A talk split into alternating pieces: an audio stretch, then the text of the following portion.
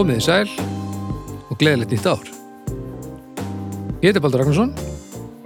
Eh, Ég er upptökustjórin og eins og þið heyrið mögulega þá erum við að taka þetta upp hérna á 13. Þetta er, Við erum að taka upp á 13. Þetta er frábært. já, þetta er, þetta er mjög, mjög gott. Hvað segið þið annars svona í lífinu?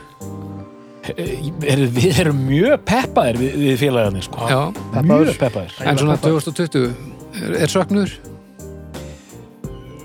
Þetta, Ég hérna já, ég, ég, það var margt gott og margt slæmt á síðast ári, eins og, eins og gengur, gengur gerist. Já, já, já. Ég er ekki einhvern veginn Ég er örugglega bara svona leiðilegur Ég er hérna bara, já, nú kveðið þetta ömulega ár eitthvað Ég hérna, ég, ég hugsa aldrei eitthvað svona tímabila eitthvað þú veist, Nei, þú veist, Svona, já, Þó að fyrst að árið byrji- 2020 já, já. var svona slæmt þá lítið 2021 að vera frábært Ég, bara, ég sé einhvern veginn ekki alveg þessi rök sko.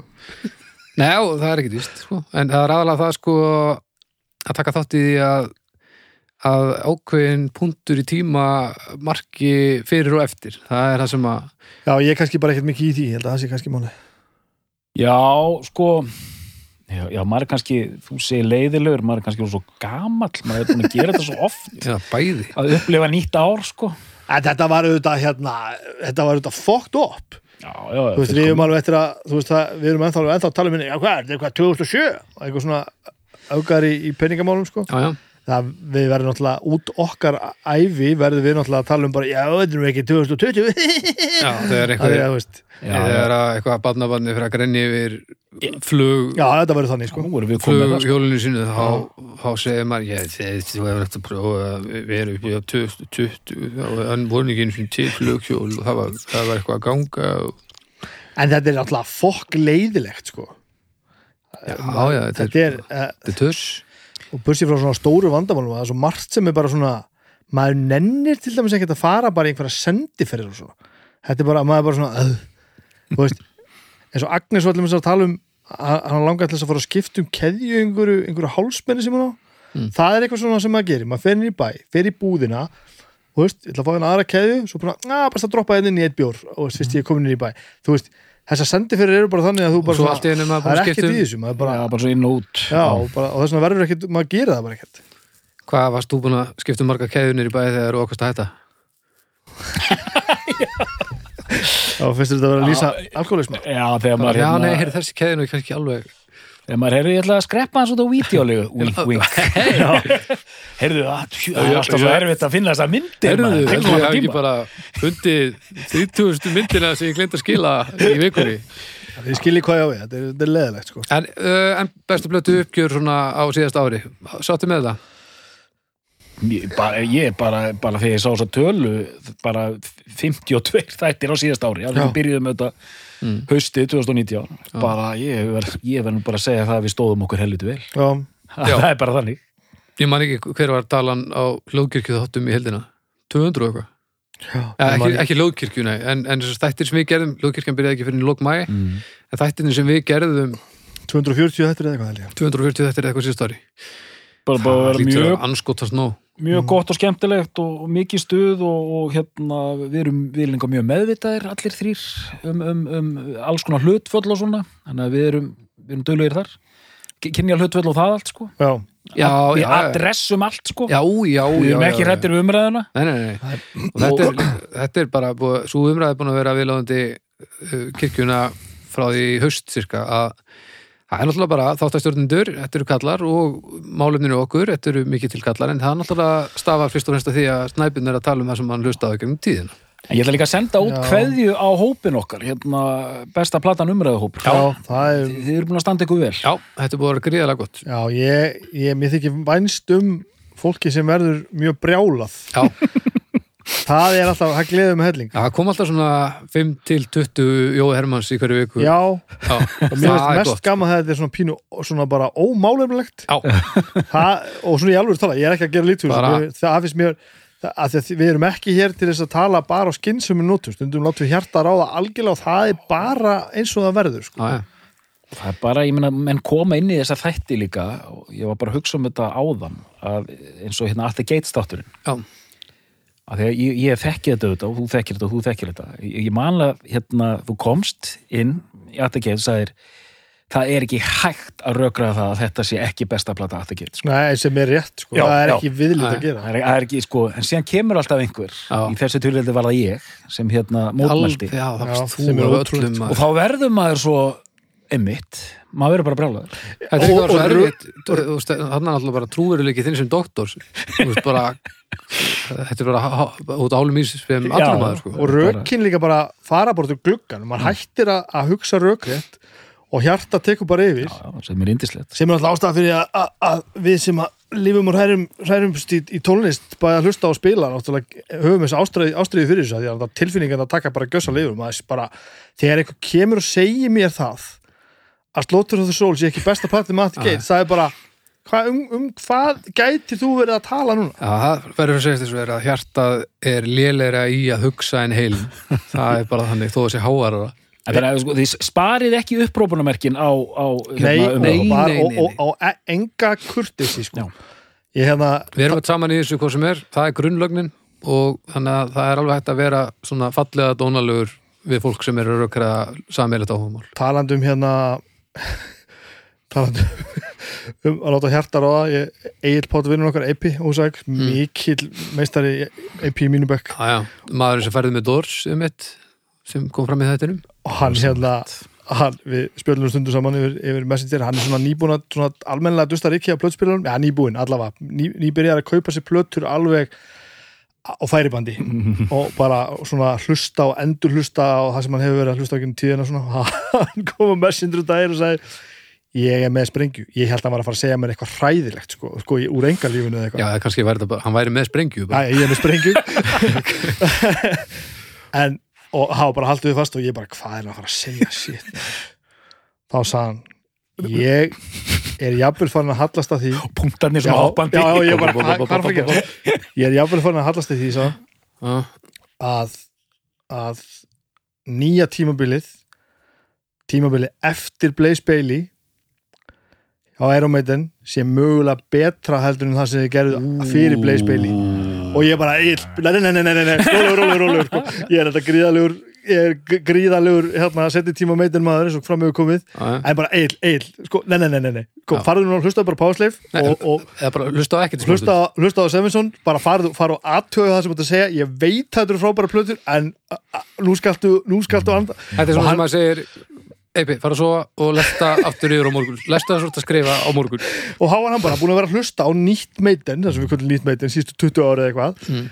og bara, bara fatta hvað þetta er mikil snild sem þetta er, sko. Þetta er þetta er sko. algjör snild og bara tilfinningar það bara tóku yfir og bara ég gæti jafnvel trúa því maður, að þetta sé betra, sem er alltaf alls ekki rétt en getur maður svissa þessum tímabilum og þá myndu þau bæði standa fyrir sínu nei, já meitin, nei. En þetta, þetta, en- en, en þetta er líka mjög fallið, þetta er yfirlýsingar, ég held ég hefði kallað svona 560 plötur, þetta er bara besta Já, plata sem nokkuð tíman hefur verið gerð. En sem er er þá önnur plata mjög oft ránt þá. En þessi tilfinning samt þegar þú ert að hlusta á einhverja plötu í mómentinu, heima Já, það er í einn bara á brókinni og, og, og það bara kemur laganum og þrjú á einhverju plötu og maður bara og ma manni finnst í alvegni bara hér hefur, hér, hér hefur fullkomni verið náð það hefur enginn gert betri plötu í Já. Og ma ma manni finnst þetta bara í bara, alvegni það er bara þannig. það er svo ótrúlegt Það er engin að fara, ó já, þetta, er- þetta er 27. besta plata sem ég nokkuð tíman heilt. nákvæmlega En nú erum við hérna svolítið svona þungaróksmegin uh, við bræðunir og við allir náttúrulega og hérna það fór nú aldrei interneti á liðinu á mér sérstaklega finski leggurinn þar sem að hérna frontmaðurinn í, í of Bodom já, Alexi. Já, Alexi, hann, hann dó Já. Já. Og ég var bara að sjá það núna hvað hann hafi ævinn týralega áhrif bara á Finnland það eru bara allir sammála um það að hann hafi bara fært Finnum svona technical gítar hetju melodist tungaróks element bara á silfurfatti sko. já, ég, bara allir Og þetta er ekki, þetta er ekki samt leðtóin í bandinu. Jú. Jú, Er, er þetta bara ma maðurinn? Bara- þetta er maðurinn á bara já, já, þetta er bara 43 Vá. nei, hann var ég yngri já, fjö- 41 41 já. Því ég veit að bandið er einmitt, þetta er svona eh, mjög vel metið bara heilt yfir hann í Finnlandi sko. Já, og, ég held sér stærsta metalband Finnlands fyrir utan Nightwish sko já, og ég veit ekki hvað stamina stendur í því innan, innan landamæra Finnland sko Stamina er náttúrulega risa Já, bandi innan, Finnlandi sko. innan Finnlands en uh, Bótum hafi rosalega áhrif á þá sko Já, já, já og núna var þetta projekt í gangi sem heit bara Bótum eftir midnight held ég Já, ég ætla ekki að segja ómikið að því ég veit ekki nákvæmlega svo, en man hann ekki Nei, en Children of Bottom hætti þarna fyrir rúma ári síðan Já. og það var ekkert í góðu sko. já, já, já. og hérna að ég best ég segi ekki ómikið Hvernig dó hann? Hann bleið ekki, Búin, það er ekki búin að gefa út Já. en hann er búin að vera eitthvað veikur já, búin að eiga við langtíma Já, veikindi. langtíma veikindi. En sko, og ég sá Já. einhver staðar að, einhver skrifaði að, veikburðaskrokkurinn hefði loksins gefið sig. Þannig að þetta voru svona með við það uh, voru þetta bara veikindi. Já. En það er ekki búin að gefa neitt uh, út. Ok, ok, ég veit ekki sko. Þetta er allavega umlögt sko. en það bara, já, sló mig að því að internetið mitt bara í næstuði heldsinni það bara fór hliðina. Já, við ætla líka þekkjum svo marga sem að þekktu hann sko. já, Já, já, ég bara va- vald þegar ég náttúrulega að spila með honum í þessu eh, bótum eftir að, Midnight, já, þannig að ég þarf að því ég svona fór aldrei all in í til dæmis bótum en, en eins og eins og maður gerir alltaf oft þá er nú kannski um að gera svona rétt eftir að einhver degir að hella sér í það. Ég átti á sínum tíma alveg nokkar diska með Children of Bottom, þetta var nú aldrei mitt stöf sko, mér finnst þetta ég ekki man að vera eitthvað eitt lag sem að mér fannst fullkomlega sturð Já, það er riff hann sem er svo baneitra, sko, ég maður ekki heldur hvað þetta er. Gott við sáum það líka fyrir stötu Sáum við þá? á einhverju festivali. Já, Já. hann góður, tjóðlan fokkin góður. Vá, ég maður ekki því. Innan hús eitthvað stöðar man ekki, ég er reyðið upp. Allavega, ég veit ekki af hverju við ekki innan hús en já, eh, við erum hingað konir fyrst og fremst til þess að tala um músík eins og við erum reynda að byrja að gera og búin að Mm. að gera en, en kannski ákveðið ákveðið band og ákveðna plötu? Hann er ekki eins og maður kynna okkur, sko. Mm, já, já, Er, þess má geta, er, er verið að, verið að kveðu við nýjan Þess má tón hérna á nýju ári? Er hann að, ég, ég er svo slakur á þessu nýja ári að Ég ég hreinlega Ég var að fatta það að það er ekki bara einmitt að standi hvaða hérna, það er líka mynd á. doktor í, í tónlistafræðum sem, sem talar halda áfram. Já, já, ég heit Arnar ekki Tóruðsen, ég er doktor í tónlistafræðum, Mhm. háskólakennari, blaðamaður og ímislegt. og Verið þið sæl. já, en ætlaði ekki að segja hvað meira? Já, uh, bara, já, nei, sko, það er farið. Jú, já, því að brandari minn gamlu um að enginn vissi hvað við varum að fara að tala um, ég var líka að fatta að það er líka ljósmynd á okkur alltaf, þannig Já, já. að, þannig að, það eru, það eru ýmsar vísbendingar um að það er nú ekki beint að vera Sherlock til þess að er, já, komast í gegnum það. En ég er nettur, ég er alveg hel nettur, Ertu hel nettur? ég er alveg hel nettur, það er einhver engjast á, á, á nýju ári ég ætla að segja einhvern brandari, ég glemd honum strax. ah, ok, hann eld, snögg eldist aftur. Uh, flissandi maðurinn hérna er Snæbjörn Nargarsson hann er hérna uh, vinnur á auðlýsingastofu og hann er með skegg og skignisúfu hann semur skemmtilega texta og bara rosa fýt náungi. Og svona ef þið sjáið hann þá myndi ég lýsa þér eins og já eins og víser og mastodon og einhver hafnaboltagaur hefðu búið til barn með öllu bjarnasamfélaginu á Íslandi. Takk fyrir. Já, já, bara verið þér að því. Uh, Já, við ætlum að tala um músík Já, þú helvið tísleskur eitthvað í útliti, það fer ekki að milli mála. Já. Æla fölur, er Víser, Mastodon, Babe Ruth og Magnús Ver lákala uh, að Við erum ekkert að ráðast á er þessum henni lægstur í dag. Þetta er band sem að er ofbóðslega, ofbóðslega stort búið að vera hérna á lengi. Já, við erum að tala um 30 ára sögu sko. Þetta er að tala um bestu hlutu Prodigy. Já, Le Prodigy. Já. Snæbjörn, Já, hvað komstu nú með? ég kom með þessa blötu hérna Þetta er þriða breiðskifa The Prodigy Já. Þetta er Fat of the Land The Fat of the Land Ég ætla bara að byrja á því rétt þér Þessi plata sko, hún er rosaleg sko. Og hafa komið sexinn að spila til Íslands. Já, sex sinnum Sexinnum. Ég hef aldrei sá það aldrei Hefur aldrei séð Prodigy spila? Nei.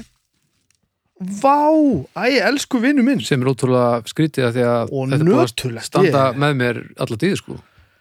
Ég lítið að vera búin að sjá þetta allavega þrísvar sko. Já, ég man ekki Ég er líka náða sko. Þetta er aðeins bara eitthvað. Eitna bóti sko. Hefur þú ekki held?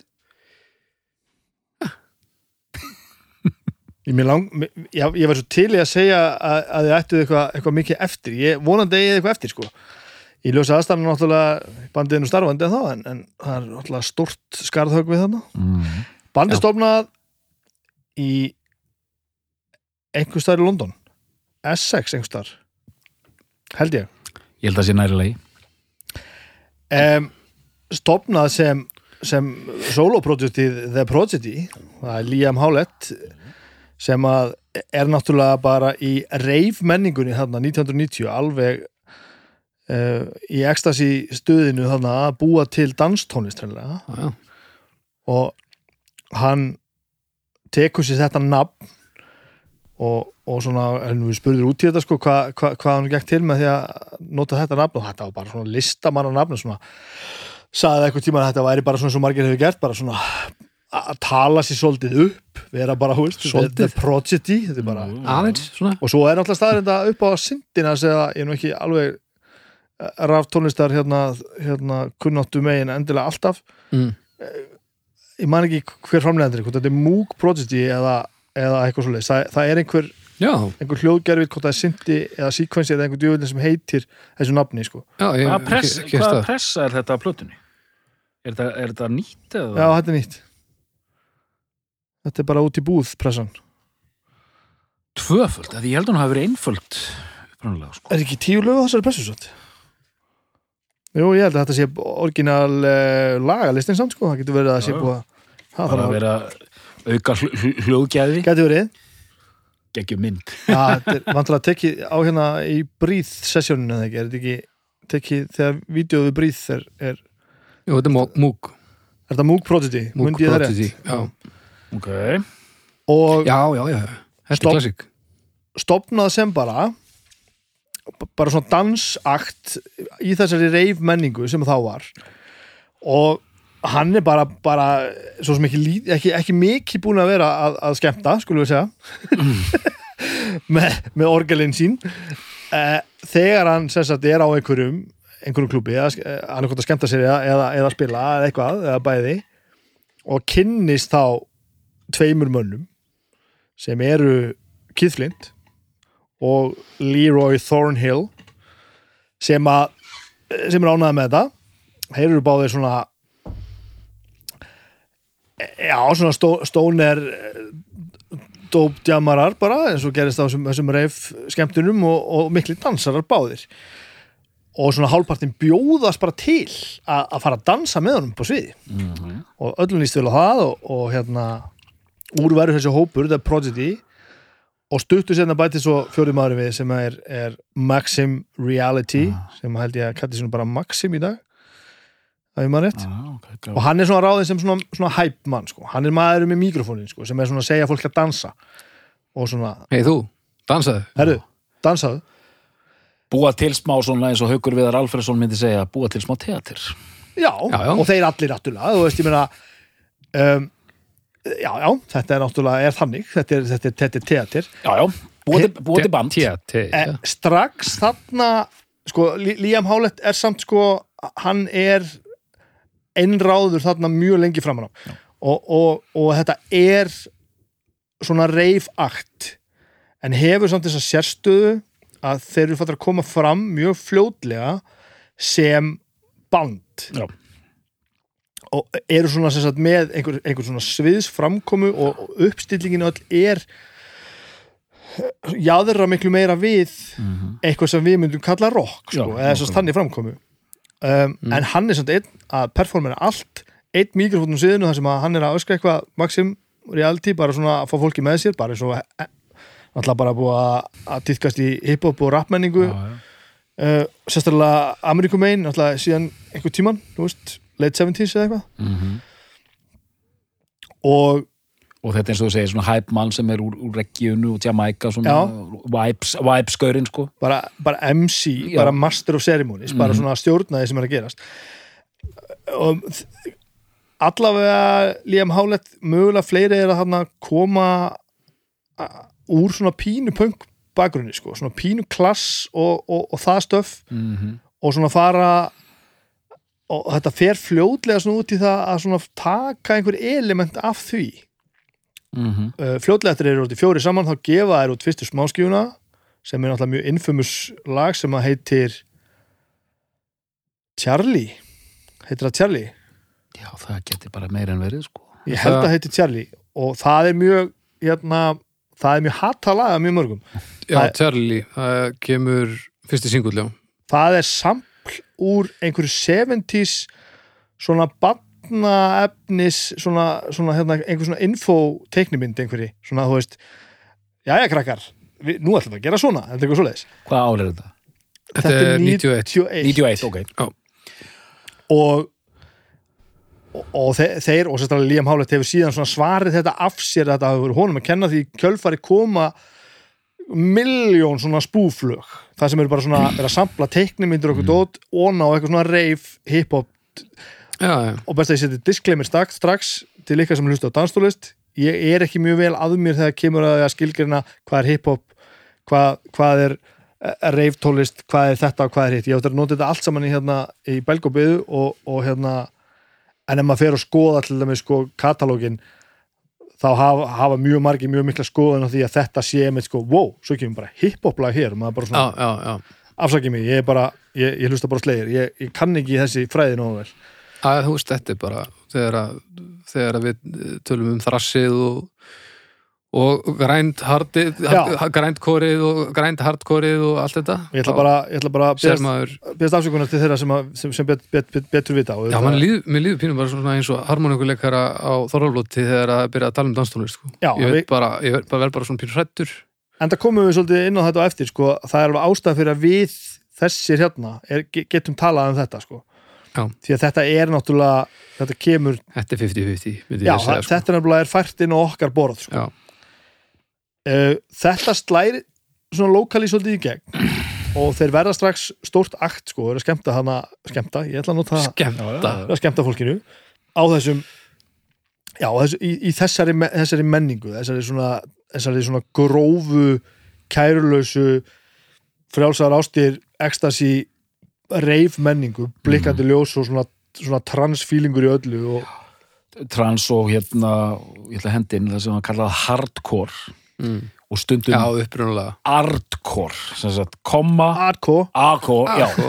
sem sagt það dæmi sem er Já. að koma hann alveg á fullu upp úr 90, 91, 92 og berst meðal annars til Íslands Ajax og hérna hmm. Ajax, hérna Já. Þórhallur og hérna og Biogen og þú veist sem voru voru bara tengja inn í það sem var að gerast þannig í Breitlandi Já. En já, og það er ekki verið að búa til aðgengilega tónlist, það er verið að búa til tónlist sem að þú sogast bara inn Já. í Já. ég heyrði með sko einhvern tíma Líam Hálett lýsaði ef að ég stend hérna á móti þér og ég kýli því í munnin Mm.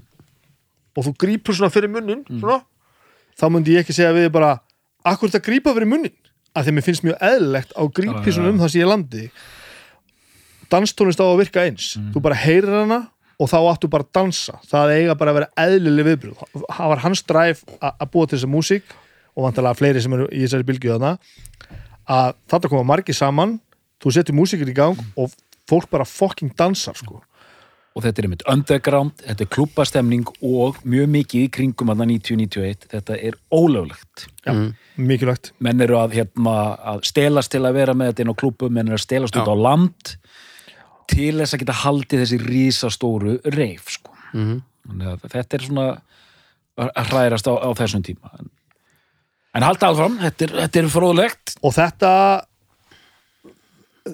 svo er bara hrært í plötu. Það er ekkert mikið sem gerist hann á milli held ég sko.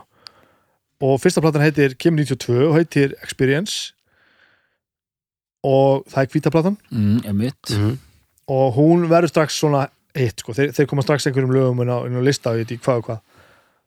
Og og eðlilega, af því að þú veist bestu lögin þar er alveg svona pínu aðgengileg sko. Og, og þar strax einhvern veginn svona skín í gegn að þetta er ekki bara þetta sem að allir hinn eru að gera, þetta er svona eitthvað eitthvað meira, þeir túra þessa plötu mm, og þar kannski verður ákveðin vendipunktur í þessu að í staði fyrir að gera eins og svona, svona ökt hafi verið, að gera- höfðu verið að gera fram að því, þá fara þeir á túr og Mm. túra klubbana Mm. sem hljómsveit Já. og er að spila eins og þau sögðu svo sjálfur sko, þarna voru við að spila fyrir bjórfólkið já, já, ekki ecstasy fólkið Já, og það er stóra breytingin sko. og allt verður náttúrulega eðli másu samkvæmt brjálað sko, það náttúrulega meikar þetta engin og veist að þeir eru að og höldum því líka til haga að þarna hafði þetta bara ekkert verið gert hafði, þetta crossover hafði bara í rauninni ekkert átt sér stað sko. dans og rock mm. og og svo fara að koma hann einhvern hljómsætti sem hann fyrir að hlusta á menn alltaf, alltaf, er Beastie Boys já, það er bara alltaf þannig, Þa, já. það segja allir Beastie Boys það er alltaf það uh, hann fyrir að hlusta síðan á Rage Against the Machine það fyrir að koma inn í þetta Mhm. og þegar ég sé hann, það er alltaf Liam Howlett það er alltaf hann sem er að semja já. músíkina uh, og svo verður hann sem ég vissi ekki fyrir nýjum undirbúmi fyrir þennan þátt hlustar hann á hérna Judgment Night, soundtrackið. Já, já, já, já, soundtrackið fyrir bíómyndin á Judgment Night sem að allir eiga náttúrulega að- hlusta á. Já. og getur mjögulega átt eftir að koma við sögu í þessari þáttarögt síðan og líka hálrétt þetta sem þú nefnir einmitt með þessa klasstengingu sko.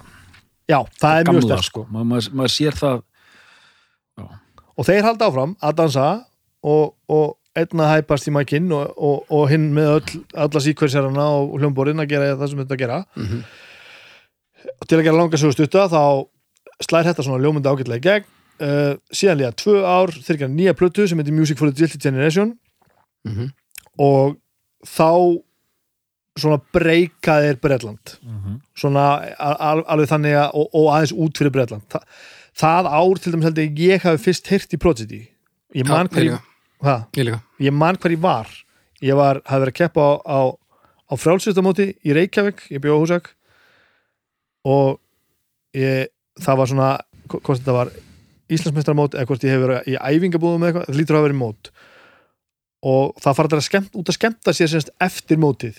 Það er mitt komst ég að því óharðnaða rúnlingurinn að, að fólki sem er búið að vera að æfa sig í íþróttum og keppa það drakk líka áfengi og rey- reykti kannski stöku síkartu þegar það var að skemmta sér. Ég var alveg eh, flabbergastur. Já. rúnlingurinn að norðan. Og við förum á tunglið mm. og á tunglinu er verið að dansa og ég er nú ekki sleipur að dansa nema þar er mikilvægur maður sem að leiðir hópin ég verum hann að ég og Aggi og Óli og einhver fleiri. Og Hákon Sigursson okkur er þarna sem við kannski getum helst kent við, við rock.is Mhm. og Hákon var náttúrulega langklöpari og, og, og, og meðræðisveit Og er í Hávasótt og er enn náttúrulega mest í játkallsbrjólaðingur landsins að þá svona, svona öfga öfga vega lengda brjólaðingur Hann hleypur út í búð, við skulum orða það þannig. Já, hann leipur út í allar Já, já. og allt innu kemur eitthvað lag. Og Konni fylgdist alltaf mjög vel með sko. þegar ekki náðust neinar út, útastöðar á húsæk þá var hann alltaf með spólur sem að hefðu verið, verið teknar upp á X-inu sem var þá Sýrður Jómi og Simmi og Þossi og eitthvað alveg snildalegt Já, já. og spilaði þetta fyrir okkur á húsæk á kassettum. Leik, leik lögum af hljóðstaldum og þetta byrjar og No Good kemur Mhm. No Good, Jú. það ekki Já. og hann byrjar að syngja með og ég veit eitthvað þetta er og ég fatta bara strax, ok, þetta er einhver algjör snild og ég er notabennið þarna í að reyna að safna hári og bara að hlusta á DSL sko. já, já. og þetta einhvern veginn bara náðu inn fyrir sko. og líka sko bara að rétt að tengja sko því að hérna bæði þarna 92 þá er það byrjað að gerast í dans, tekno og ráftónlistarsinnun í Breitlandi að þetta er farið eins og gerist svo oft líka að gerist með punki á sínum tíma. Mm. þetta er farið að komast inn í mainstreamið. En ég held líka því þú nefnir, þeir hafa líklega þeir ná með ráftónlistina inn í mainstreamið styrkja og styðja við það með þessum túr sem þú nefnir og matirislan fyrir okkur þrjá hérna og margar sem er að hlusta fyrir okkur rockarana við skiljum plötur, album Það er það er það sem við skiljum. Já. og það sem er að gerast þarna 94 þegar önnur platan kemur, hann að Jilted Generation að ég man því sá plötuna. Og ég man bara svona, já, þetta er eitthvað wow, music for the Jilted Generation hey, hérna er eitthvað, þetta er einhver yfirlýsing hérna og grái litur og allt þetta. Mhm. að þetta skiljum við og sa sama ár kom út fyrsta Underworld platan. Já, Dub No Bass with Já. My Headman Já.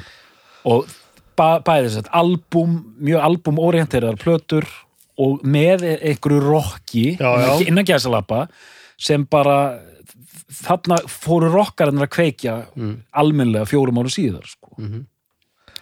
og, færslu líkur og þeir hafa þeir hafa síðan, síðan sagt setna sko að, hérna að já, þetta var pínu strempið að vera í þessu crossover einhvern veginn vera hann á mitt á milli og náttúrulega algeri brautriðindur hana en dansarnir hafi verið miklu harðari gegn þeim heldur en já. og rockarnir tókuðum í rauninni sko betur Já. á meðan danstónustafólkinu fannst þið svolítið vera að svíkja lit sko. Hvernig er þetta í dag? Hvernig líður þessari græðsu gagvart þeim? er þessi kreðsa bara svo mikið til Er ekki einhver er ekki allt orðið útflatt í dag og það er þeir sem að þykjast tilheyra einhverju svona öfga danskreðs og vil ekkert annað skilja eru bara jafn heimskulegir og þessum hlusta bara á, á, á black metal og swahili sem er tekið upp með raskatun á einhverju móni í einhverju tjöt Já, Ég held að uh, mér hefur fundist sko, nú er ég ekki eins og vandalega heyrist hvernig ég er þess út um mér. Ég er ekki með þetta 100% á tæru en mér hefur fundist eins og þeir njóti sem sagt, sérstaklega þessi, þessi fyrstu ár þá var þetta bara rosa flott og, og bara partur af senunni. Mm. en síðan eins og þú segir Vippi, sko, að hérna síðan kom alltaf þess að selja rættir sko þegar að máttu fleiri vera með Já, þegar mátti fleiri vera með, þá er það alltaf selja. Þetta er alltaf sami söngurinn í öllum, öllum stefnum, sko. Já. Og hérna, en ég, er að reyna að segja það, ég held að þetta sé mitt svona frekar virt band. Já, En Já. kannski, sko, með sterkari stöðu hjá rockinu í rauninni. já ég hefði giskað það sko Já, ég held að sé mjög margir svona eitthvað að töða yfir því að þeir hafi, en þú veist... Svo bara var það of stórt náttúrulega Allt sem verður ákveðið stórt það Síðan er líka alltaf, sko, sellátt er alltaf sett saman sem, sko, framþróun. Það má ekki, það má ekki, hérna, þú mátt ekki þróast, þú mátt ekki breyta um. nei, nei, nei, þú mátt ekki semja við stærri fyrirtæki Þú veist, það, við tölum um þetta held ég já, við tölum dálítið um þetta í Green Day þættinum. Já, já, já, já, náttúrulega Og- stórt sama dæmi þar, Nirvana og... þú veist, þetta er bara en já, þarna 94 þessi, ég með Jilted það er það fyrsta sem ég tek eftir sko. og, og ég man hérna heima var þetta bara þónungu stórt sko. Já, já, ég, Já, já, grunnskólinn á Húsavík Þetta var hitt versus Ramstein sko og smass með áspring það er þetta, þetta þrend sem hefur svona í minningunni tók skólan algjörlega yfir það sem allir voru með. Já, og ég man mér fannst Music for the Dilly Generation frábær plata mm. en þær eru báðar Experience og, og Music for the Dilly Generation um, skiptast svolítið þannig að, að svona kannski helmingurinn að þeim er mjög svona danstónlistarlegur. Já. í, í þessari þessari frekar svona Þetta tala um þessi ambient lög og já þessi, og bara svona minni struktúr Já. og meiri stemning skulum við Já, segja, þú veist, sem, að, algjörlega. sem að við rockhundarnir sem viljum bara fá viðlægið okkar já, tengjum minna við kannski. En, er en, en, lögin sem að lifa þetta er no good. Voodoo People, Poison, þetta er allt saman svona já, já, þetta eru lög og, og, og sem eru með einhverjum frösum sem Já. eru sagðir Já. og slassungnir, samplaðir já, já, og það allt saman sko. Uh, á meðan að það er fullt af lögum þannig sem eru ekki með þessum húkum sko. En ég man að ég hlustaði samt á þetta sem Mm. var eiginlega í fyrsta skipti sem ég svona systematist maður fekk þetta gateway einhvern veginn. Já, já, já, maður hlustaði á No Good og Poison og Voodoo People og þessi lög sko. já. og fekk þá þetta gateway í að hlusta á lögin á milli og bara, herðu, þetta, það er einhver einhver snildi hérna. Og snildi sem að ég tengdi við var náttúrulega þetta brjálaði já, af því þetta er náttúrulega brjálaði Já. það er verið að búa til brjálaði inn í fólk. indislega styrlun uh, það sem gerir svo er það að bandi verður það stórt að þeir, þeir náttúrulega eru, eru komnið þannig svolítið með hóttirinn á MTV já, um, er ekki hana er ekki no good vídeo það sem er, er svona svarkvitt og þeir eru svona labbandum Keith Flint ægilega sættu með svona kurlunar hérna eitthvað nýri ægilega svona baggy nei, Flint er þá, já, er hann ekki með sítt hann hár með sítt hár ægilega, Já, ægilega já. fallegur eitthvað og kærlaus með svona hazy eyes eitthvað svona, svona pothead feelingur á honum. Þetta er no good vídeo. Já, þá spilaði alveg slatta manni á, á MTV sko. Mm. svo eru þeir bara eitt, eitt, veist, þeir eru bara þetta band og eins og þú segir að fara að koma hana fleiri að fara að koma hérna Underworld eh, að fara að koma Chemical Brothers já, einmitt. Það, það má ekki gleymast í þessar umræðu. Það, það, þessi bönd mjög oft nefnt bara hreinlega nefnt saman. Fatboy Slim. Fatboy Slim fyrir að koma hana líka. Allt þetta einhvern veginn svona að fyrir að hræra saman. Hvað sagður? Chemical Brothers og Underworld. Já, Underworld svona Underworld svona meira kannski arti típan sko, Já. Chemical Brothers bara sko big beatið alveg miljón sko. En svona Og- sama bylgjan einhvern veginn. Og það verður svona að gefa okkur rockhundunum einhvern svona eh, einhvern, kýrauga þannig inn í einhvern heim sem að við höfum bara ekkert, ekkert þórað að vilja að kynna okkur sko. Nei, nákvæmlega Já, Propellerheads þessu er það ekki líka er það ekki aðeins sittna sko? Er það? Propellerheads er Uh, sláður ekki að sko, 90, Propellerheads er að slá í gegn sko, með þessu 95, Shirley Bassey-lagi þannig 95, 6, 7 eitthvað þá eru við þeir virkilega komið í Propellers potið til á þessum tíma sko. Já. Allavega Og þannig kom einmitt þessi, þessi matreysla, þetta gateway, þetta uh, album, pælingarnar, þetta er, þetta er það sem er að selja okkur að einhverju leiti, þessa músík, sko.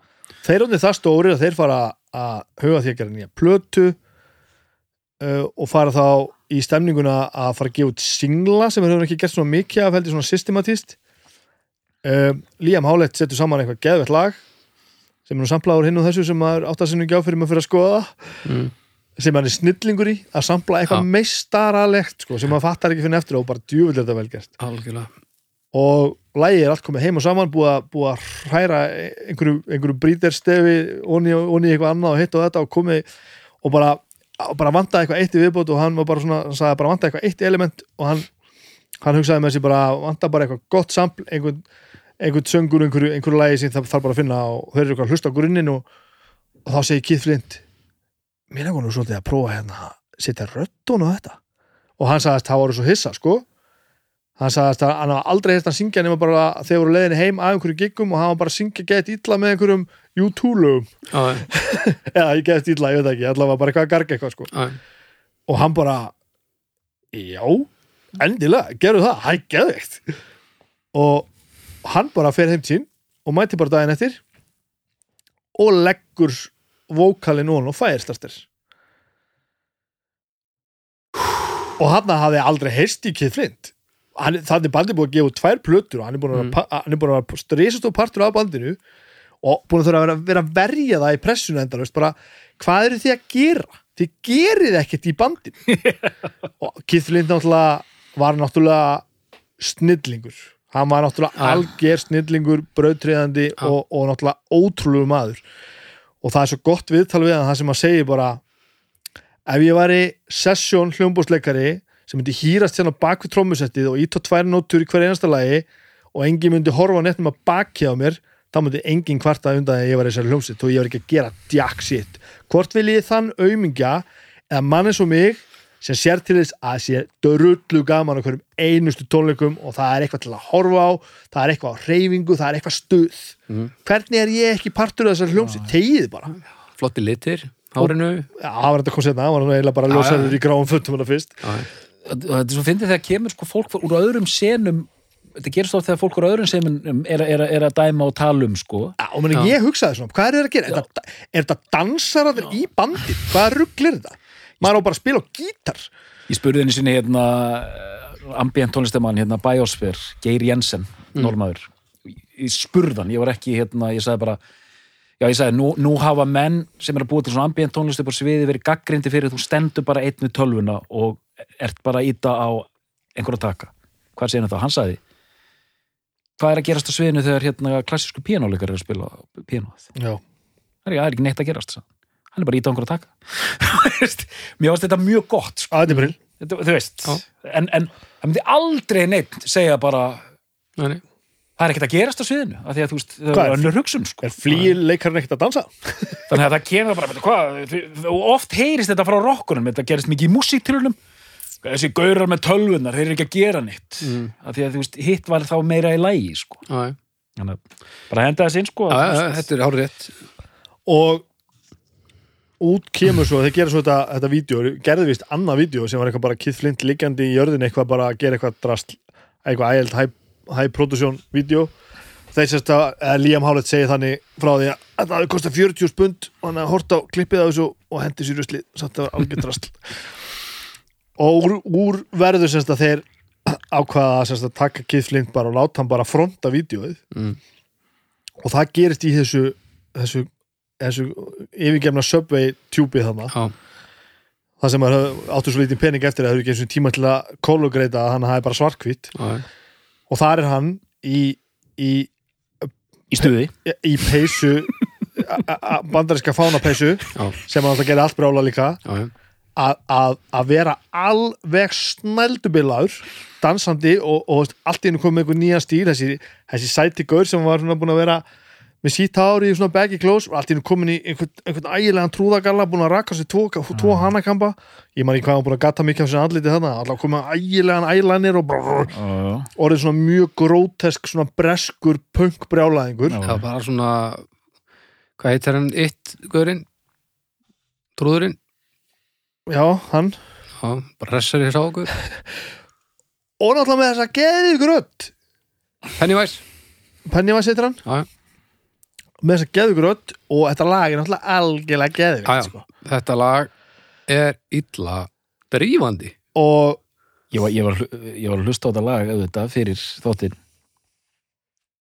Þetta Þetta er- bara þetta er ég- svakalegt, maður sko. fer allur á stað það fer, svona, þú veist yðurinn bara að fara í gang sko. svo velur byggt sko. é, þetta, er- þetta, er, þetta, er, þetta er listaverk í alla staði en hugsið ykkur ef að Keith Flint hefði ekki sett röddi núna á þetta en þetta gerir þetta þá væru við ekki að tala um Prodigy í dag sko. það er bara ekki þannig Nei. þeir komast náttúrulega mjög fallega á bræðið þarna þetta, og ég man þegar ég sá þetta fyrst, sko, bara hvað í helvítinu er að gerast Mhm. og svo kom náttúrulega næsti singull það sem þið voru náttúrulega komnir einmitt með, með mótilið Mhm. og þá kemur bríð já Og- nú þar var nú búið að pródusera vídeo aðeins betur er nú hvort sem það það er nú eitt besta lag sem tilhaldi það er, Það er gott þá eru þeir bara að syngja duett þarna. Já. og um ekki að Lýra og Þornhill er bara einn einhvers staðar að setja í stól. Já, þú veist, hann er hann í vídjónu og hann er á, þú veist, hann er á hérna á coverinu hérna. Og, og, og það, það, þetta breykar náttúrulega svo svakalega að það er það náttúrulega er illa gott lag. Það er svakalegt lag. Það er svakalegt lag. Og þetta er sko er alltaf þetta sé þetta er auðvitað bara bríð lítur að vera að koma út sko hausti 96, getur það ekki Jú, verið? ég held að það sé bara Eh, alveg horrið jú, fæðist þetta er 18. mars 96 Bríð 11. november og Smack My Bitch Up 17. november 97 sem singlar sér satt Smakk maður bitch upp er árið setna já, einu og hálf ári síðar árið Ein- eftir árið eftir er það ekki einu ári eftir Bríð. eftir Bríð og þá kemur platan út sko já, hún kemur út sko 30. júni á, uh, á Breitlands eigum já, hann að smakk maður bitch up singullin kemur ekki fyrir eftir að platan kemur Nei. út já, áhugavert, hvaða strategi er það nú en það bríð, reynda lifði og lifði og lifði og lifði og lifði svo sko. held ég að þetta hafi bara sprungið svo opaslega að þeir bara, já, við erum að glöða hennar meiri lótið sko. svo kemur smakk maður bitch up sem singull það er alltaf algjörlega frábært lag. Já, frábært lag. Eh, að- það er aðeins minna aðgengilegt og aðeins svona einhvern veginn og allavega allt brjála þetta skildi heita þetta. Ó, og alltaf alveg það er alveg styrla mér finnst það frábært lag en þetta er ekki jafn gott lag. Nei, þetta er ekki gott lag sko. En þetta nær dansrótónum heldur en hitt, sko. og svo kemur þessi plata út og ég man ég hlustaði langmest á singlana sko. ég hlustaði langmest á þessi lög sem við erum búin að tala um en ég hlustaði samt á þessa plötu eh, alveg heilan slatta sko. Já, já, þetta var þetta var bara að gerast. Ég, man, ég fekk þetta lánað einhver staðar, tók þetta upp á kassettu hlustaði mikið á þetta. Mm. og það sem er komið líka hérna inn að henda þessi inn áður en ég gleymi því. Og hérna ég er eiginlega bara, held ég búin að fara yfir, þú getur tekið við bara. Að hérna sko bara að kommenta á plötuna sem slíka að hérna að því ég var að hérna mér finnst einmitt fyrstu tvær vera dálítið svona flekkóttar á margan hátt og þú veist það eru singlar hérna en síðan eru þessi danslög líka en það er heldur ekki alveg nóg. Mér finnst líka vera mér finnst það er vera aðeins og, og mikið út um allt. Þessi plata, það er svona bæði meiri hildarsvipur á plötunni og uh, einhvern veginn samanbundar og þú veist bara, þú veist Mindfields, Climbatise það er einhvern veginn svona lína. En bara tvennt sér að nefna það sem maður heyrir hérna líka bara það er þessi punk stemningu þetta það er svona gothic stemning. Mhm. það er svona smá Rammstein feelingur. Mhm. og, um, og svona industrial feelingur. Já, og svo ministry. Já, svona ministri, Já, já, nákvæmlega. það er þetta sem er að heyra dálítið og væntanlega mesta innan gæðsalaba rockplatan er til þessa sem skýri líka Já, já, já, hérna, ég er alveg það er, það er, já, ég, ég held að rockararnir velji þessa plötu, dansararnir myndu frekar fara í Jilted já. en, en sko, fyrstu sko. ég, ég var alveg fyrir þennan þátt alveg, þú veist, ég þurfti að aðtuga hvort ég ætla að taka þessa eða Music for a Digital Ok. Generation Var það? en svo hlustaði ég á, á þær lag fyrir lag og það er no-brainer sko. Já.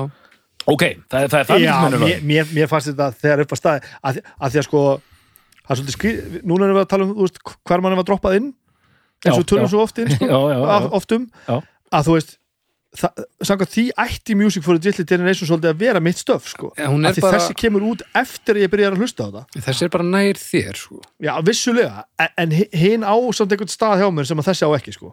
Ég man bara eftir að hafa hlustað mitt á á, á, á þessi lög hana sem, að- sem náðum hann af þeirri blötu og bara hér er bara eitthvað að opna heilan í mér sem að hefur ekki gert áður sko.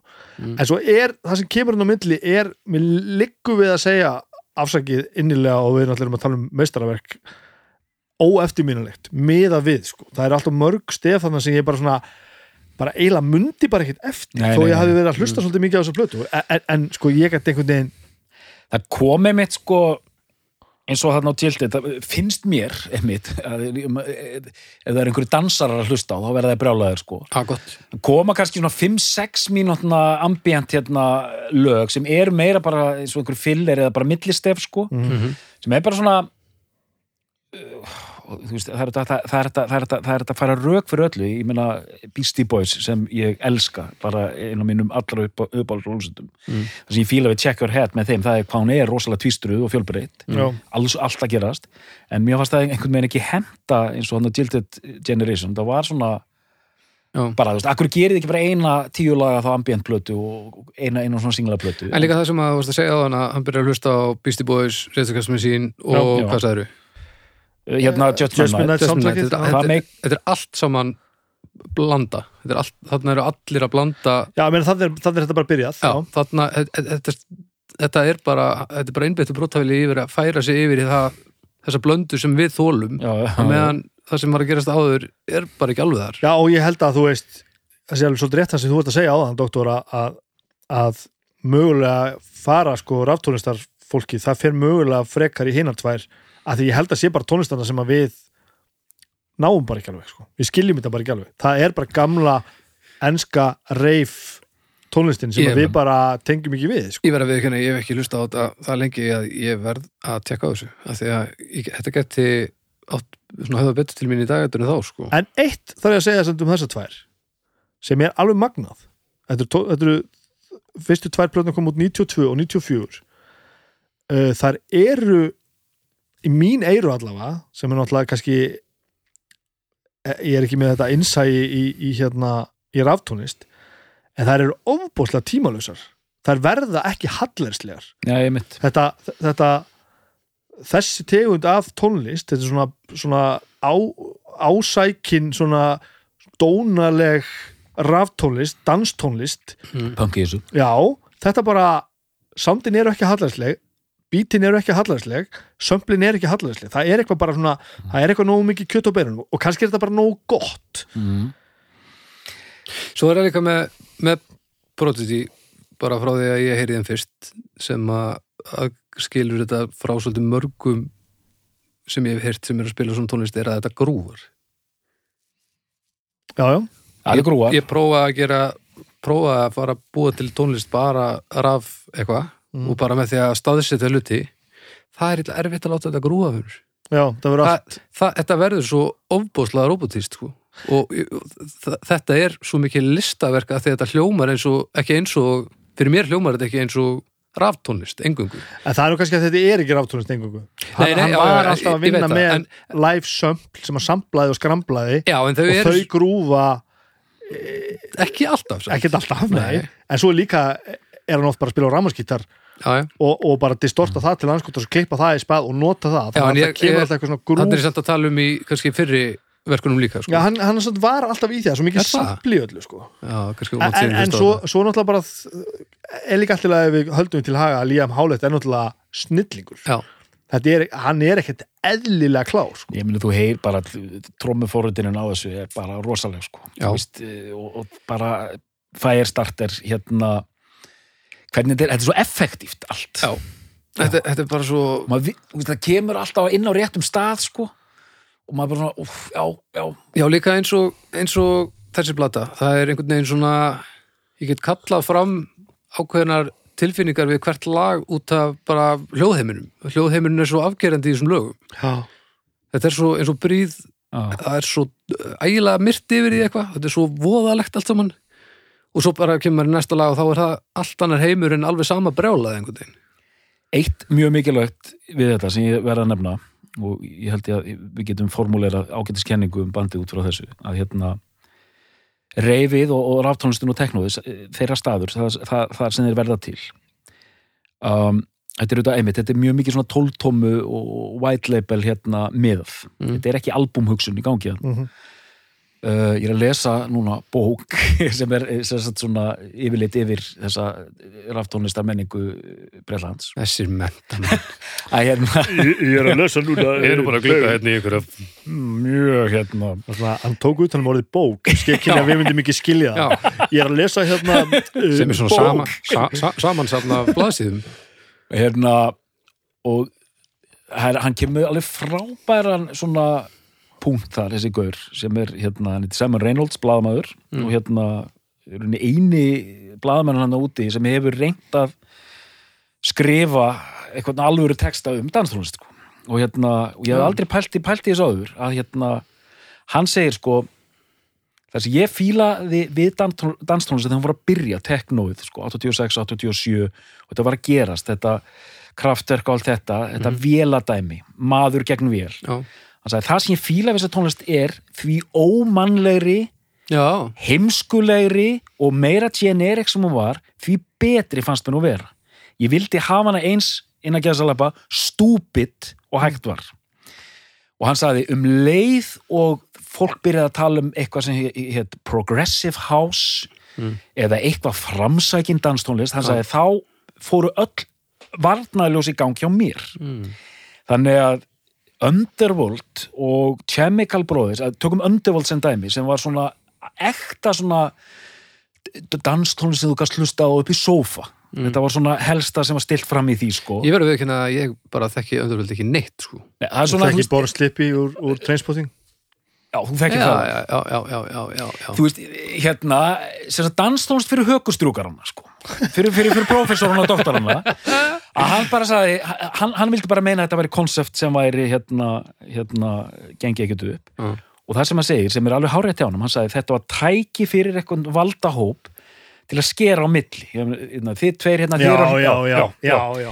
þið tveir, þið eru að hlusta hérna, þið tveir, þið eru að hlusta á einhverjar tóltómur með einhverju heilalösu dæmi ég er að hlusta á Underworld. Það er progressiv Já, þetta, þetta eru nú menn sem að hugsa. Já, Það þetta, þessi- þetta, þetta er almennilegt. Þetta, Já, þetta er útpælt. er bara enn eitt blíp, blú, blíp Já, þetta er, þetta er alveg dæmi og Underworld og, tengdi alveg í, þetta er sama pælingin með, veist, Genesis og Yes og Pink Floyd og allt þetta. Já, já, já. þetta rockins hugsandi manns. Já, já. en þessi langi ingangur ætla, ég ætla að koma að því, en mér finnst Prodigy hafa einhvern veginn ekki þegar rætur í þarna þessari vittleysis stemningu en þeir halda í hana og þá er bara að tala um þeir eru þetta eru stuðboltar, þetta er fjör, þetta er flippa þetta er crazy, þetta er hérna þetta er grípandi og þetta er geggjað og þeir halda þeirri línu einhvern veginn sko.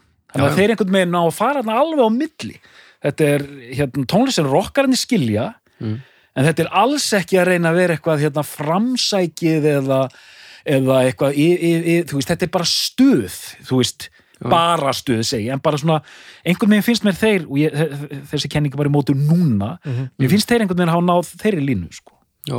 þeir eru hann á milli, Underworld hann með, með höggustrúkardæmið, Já. sem þetta stúpidæmið þeir svona sem gæti skýrt eitthvað já. Þetta, er ekki, þetta er ekki alveg próg sko. það sem ég skildi náttúrulega ekki á sínum tíma og, og er fann að fatta núna eh, og, og, og, og háði okkur rockurum svolítið, po- poppurum og rockurum svolítið Mm. mikið. Af að tvenn sem ég skildi ekki það var danstónlist, hörð dan- danstónlist svona reiftónlist og jazz.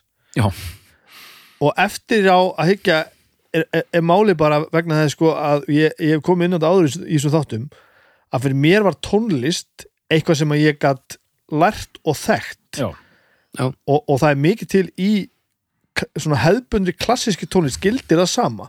Þetta eru bara lög sem þú lærir. Mm. og svo það er bara einhver sónata hérna eftir, eftir, hérna, eftir, eftir Beethoven og það það er bara svona og þú Þú veist alveg hvernig þetta er og og- þetta er bara svona. þá var maður með. Og þá var maður með, með í, í því sem er að Já, gera og svo bara eins og ég hef nefnt á það svo kemur bara, þú veist, erum við bara að hlusta á Oasis það kemur bara svo, sali, kenn við, við vitum alveg hvernig það kemur, svo er lagið bara búið og þá bara, ei, klappa allir og svo kemur næsta lag.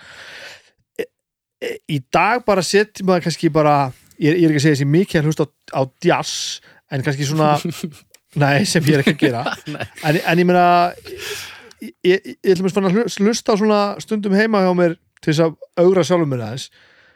Svona, eitthvað svona eitthvað svona dub jazz. Mhm. dub svona soul svona, svona Jamaic svona, svona hérna þetta byrjaði þegar ég byrjaði að hlusta á Lyndon Kwesi Johnson, þekkið hann?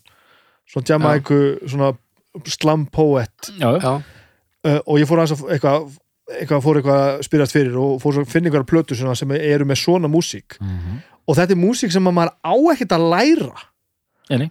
þú ástand. Lyndon Kwesi Johnson mögulega, þá svona gateway aftur sko, Mm. heldur setjum maður plötun á og maður er rétt heima á brókinni að ég ta dýranost eða eitthvað og, og það verður bara er svona þetta það sem þú Ég, er segja, en, ég en ég, ég, það er á nærbúksunum, ég er ekki á brókinni sko. Já, Ah, ok ok, og, og, og, þetta býr bara til einhverja stemningu sko. þetta kemur í eitthvað skap. Það hljóma er svo gallsúr stemning sko, en all, all, já, sem hún er og það er alltaf læg sko. að ég meina heldarpakkin bara en, og, og allt í hennu er bara eitthvað, eitthvað einn heima á mótnana bara með kaffibólan og, og, og, ostbita í hendinni að hlusta á eitthvað svona og það grúar einhvern veginn svona og maður bara, hvað er stemning er þetta sko? shit hvað þú Svo setur svo þú maður steifis á og bara ok, þetta er svona núna já, Já, eitthvað svona og, og þetta er veistla sem ég er alveg til að vera ekki nei, endur er ekki bóðið það er bara frábært.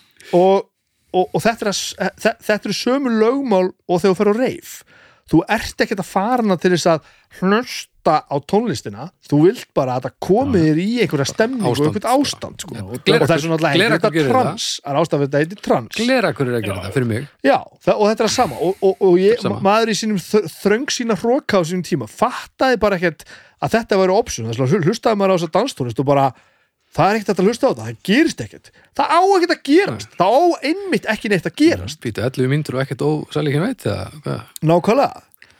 Og hérna ó, og döp, döp, döp, já, þú ert að tala um svona döp sem þú ert að hlusta á. Þetta er svona döp. Já, ég held að ég veit, svona, að því að takturinn er bara svona, er svona hjartataktur. Mhm. din, din, din, din, din, og, og tónlistin er bara svona þetta er sama tónlist þú heyrðir hérna þú varst inn í maganum á mömmuðinni sko. Já, getur alveg passa sko. Þetta er bara svona, þú ert bara þetta er svona, þetta er svona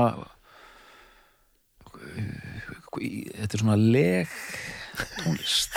Já svona svona, svona leg- legtónlist þeir tónlist, sko, og hún er blöyt já, já, þetta er þetta er blöyt tónlist. Tónlist, já, mjög gott. Blöyt tónlist, gott, að, gott, fyrir, gott að vera á nærböksunum á mótnana með, með keks ost, ost, ost, já. Já, og svo í framhanda þessu, þú veist ég, er nú að vinna með góðum manni sem heitir Bjarni Ben. Ég er bara að segja jafna mig, þú með ostin og brókinni og þú í leginu, þetta er alveg þetta er að skella á mér en all harkalega. Bjarni Ben þessi er, er mitt plötsnúður og er eh, til dæmis með hérna ennum partur af uh, tæknivarpinu og, og, og alls konar. Hlusta mikið á, á hérna á, á tölur og tónlist. Og, og við, við skiptum mikið á hérna bara skoðunum og upplýsingum og svona, við komum alveg sitt hver áttur í en, en svona ég heldur skiljum hvort annan hans er vel sko. Og ég sagði, nú þarf ég eitthvað til að hlusta á sem að gera mig alveg flabbergastet og hann benti mér á, á, á, á, Noisia, hefur hlustað á Noisia? Nei. Ég held að þessi bara Óskæði hefði haft viðtáði að bara að rifja þetta upp fyrir þáttir, ég held að þetta séu örglega séu hollenskir og það er bara svona reif tónlist nútíma sko, geðvig ljósa sjó Já. eh, og bara svona og ótrúlega sem hann var að segja mér ég vissi til dæmis ekkert að, dansnúmer eh, nútímans eru bara þau eru öll eins uppbyggð. Það eru bara 32 taktar af þessu. Mm. svo kemur drop-down í 16 eða eitthvað, ég, ég man ekki nákvæmlega hérna. Já, og, og hann sagði sko þegar að setja saman DJ-set hann, hann þarf ekki að hlusta laun. Hann veit bara hver hann á að drop in. Já, og þetta snýst bara ekkert um það að þú Nei. veitir nákvæmlega hvað gerist þannig á milli. Þú getur Já. bara treyst í, laun eru öll í sömu uppbyggingunni. Að þetta snýst ekkert um það að vera eitthvað sniður í því að setja saman struktúr það er búið að búa hann til. Svo ert þú bara að vera sniður inn í það sem er að gerast. Er að Og það heyra sem er að- og það sem er að gerast hjá Noisia ég held að þið séu hættir eða að hætta mm. Farið bara á, á, á internetið farið á YouTube og sjáu þið stærstu giggin hjá Noisia og þetta er mind-blowing dót sko, þetta er svo fucked up gott. Okay. og, og, og það er svona öfgar, það er bara að vera, það er bara að vera að krista á þau kinnfærin, bara, Mm. bara þá þú þólir ekki meira. Og það er allir bara kolbrjálaðir að dansa. Mjög hratt eða? Nei, bara svona eh, þetta er ekkert svo Já, langt já, frá já, þessu, mm. þessu hérna, jú, líka rætskilur Já, já, en þetta já. gengur ekki út á eitthvað svona drömmum beis brjálaði jú, líka kannski en, en þannig er þetta í nútímanum með þú veist mm. og þeir eru svona ægilega, ægilega vörtjósa þeir, þeir sampla allt sitt sjálfur ekkert sound, Nei. eh, þeir fá ekkert lánað á neinu böngum, öll trömmusondur eru tekinu upp af þeim sjálfum Mm. sampla hitt og þetta og það er eitthvað svona saying sem Bjarni sagði mér einmitt bara í, í raftónlistar heiminum í dag bara þegar þú ert eitthvað að nördast bara, já, vantur hérna snýrilsand, ég ætla að fara að taka það upp. Og þá er eitthvað bara svona, hey, you don't, don't have to go all noisy about it. Jú, jú, jú, ég þekki þetta. Æ, var ég ekki bara að segja þetta? Na, Jú, og einhver annar. Bjarni Ben, er ber. Nei, ég þekki hann ekki En það verður- þá skrítið. Hann er, hérna, hann er partur af hann hausa genginu, Bjarni, tekka á því. Það, er- þetta er alveg, og, þetta, og hann er stundum að senda mér einhver svona mixtape. Já, held hann mix session einhver sko, sem er bara svona einhver soundcloud fælar. Já, já, já. og maður setur þetta á, á haus, hausin á sér. Ég er á fullkonum útífelli eitthvað að reyna að hlusta á þetta, Mm. bara í vinnunni. En svo líður líka bara, líður bara svona kortir og ég allt í nú bara ranga ég við mér og bara hvað, hvað er að gerast inn í mér sko? Mm. þá er ég bara að vinna allt öðru vísi og bara fara að anda öðru vísi og bara þetta er bara, veist, það sem við skildum ekkert á sínum tíma. Það sem ég fannst svo sérmjöndi við protri þegar það kom til dæmis er hvað þetta er öðruvísi aggressíft heldur en það sem er búin að vera að vinna með. Þetta er svo, Já, já, já. þetta, er, þetta raf dæmi þetta lemur mann svo miskunnulust Mhm, mhm. þetta er svo æveintýralega þungt. Og ég var að vona til dæmis þegar að dubsteppi kom og þetta allt saman sem að svona einhvern veginn kom og fór bara. Það var, ég sá það sem næsta tækjafæri til að búa til einhverja algjör og störlun sem ég hefði bara aldrei heyrst áður. En svo einhvern veginn veit ég ekki til þess að einhver hafi farið þá leið í mína átt sko að því að fá einhver bara svona algjörlega störla dubstep þungaroks eitthvað smekklega gert, þetta gæti verið illa aggressíftur Maður, bara te- hryggbrotin í hverju erindi sko. En hérna, eitthvað sem þið viljið segja um sem sagt, eftir þetta. Uh, ég vil bara nefna Leroy Thornhill sem er með þarna og ég held að hann sé skráður í bandið til 99 eða 2000 og hann heldist úr lestinni bara svona um þetta leiti, fór á sólóferil og svo held ég að hafi bara verið þannig að hann hann hérna meikaði ekki öll þessi ferðalög var bara ekki þessi, þessi túra típa sko fór bara einhvern veginn að sóló DJ svolítið mikið fór að vera ekki með á tónleikum. Og þeir skutuði á hann og bara hérna, já hann nefndi ekki að dansa hann fannst ekki gaman lengur. Og bara hérna, fáðu trómusett, skráði til 2000 já það ekki? Fáðu trómusett, trómaði bara með okkur. Það var allt svona. Já, já, og hann kifti sér við trómusett, en æði sér svo ekkert og bara nefndi ekki að vera með og eitthvað og ég, afsakaðu fyrst ég fann að nefna trómusett Já, ég, sko, ef sé sé á úrla þrísvar alltaf gítarleikari með, Já, ok. alltaf rámaskítarleikari Mhm. og einhvern tíma sá ég hérna í höllinni með trommuleikana sko. Já, já, já, já. það var held ég ekki því ég sá það á ég sá það á Leeds Festival lengt hjá það var 2002, það var comebackið í rauninni þegar voru búin að taka pásu og allir heldur mögulega verið bara hættir sko. Það er eitt svakalegasta gig sem ég hef nokkuð tíma síðan sko. var, þeir voru alveg mind-blowing þar sko. mm. það var bara, það var sturlað fullir orku, nýkonum tilbaka sko. já, það var bara, it's the next chapter bara, nö, dö, dö, þessi alveg allaleg sko.